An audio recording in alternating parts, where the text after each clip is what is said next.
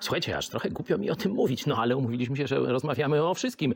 E, Szczególnie, że to jest w Biblii. Tak, Bóg nakazuje seks i jeszcze więcej, nakazuje rozkosz. Mówiłem wam o tym, że nakazuje seks, kiedy czytaliśmy pierwszy list do Koryntiana, apostoła Pawła, siódmy rozdział, to sobie możecie sprawdzić. A dzisiaj chciałem wam powiedzieć, że Bóg nakazuje rozkosz seksualną. Noż nie, mówi o prokreacji, mówi o rozkoszy. No otwórzcie sobie Księgę Przysłów, czyli przypowieści Salomona, piąty rozdział i tam stoi wyraźnie, osiemnasty werset. A raduj się z żony twojej młodości i dziewiętnasty, upajaj się, czyli rozkoszuj się ustawicznie jej miłością. Tam później jest o ściskaniu piersi, różne takie, no to już se sami doczytajcie. Bóg chce dla ciebie wspaniałego seksu, rozkoszy seksualnej, ale stawia jeden warunek. To ma być na jego prawach.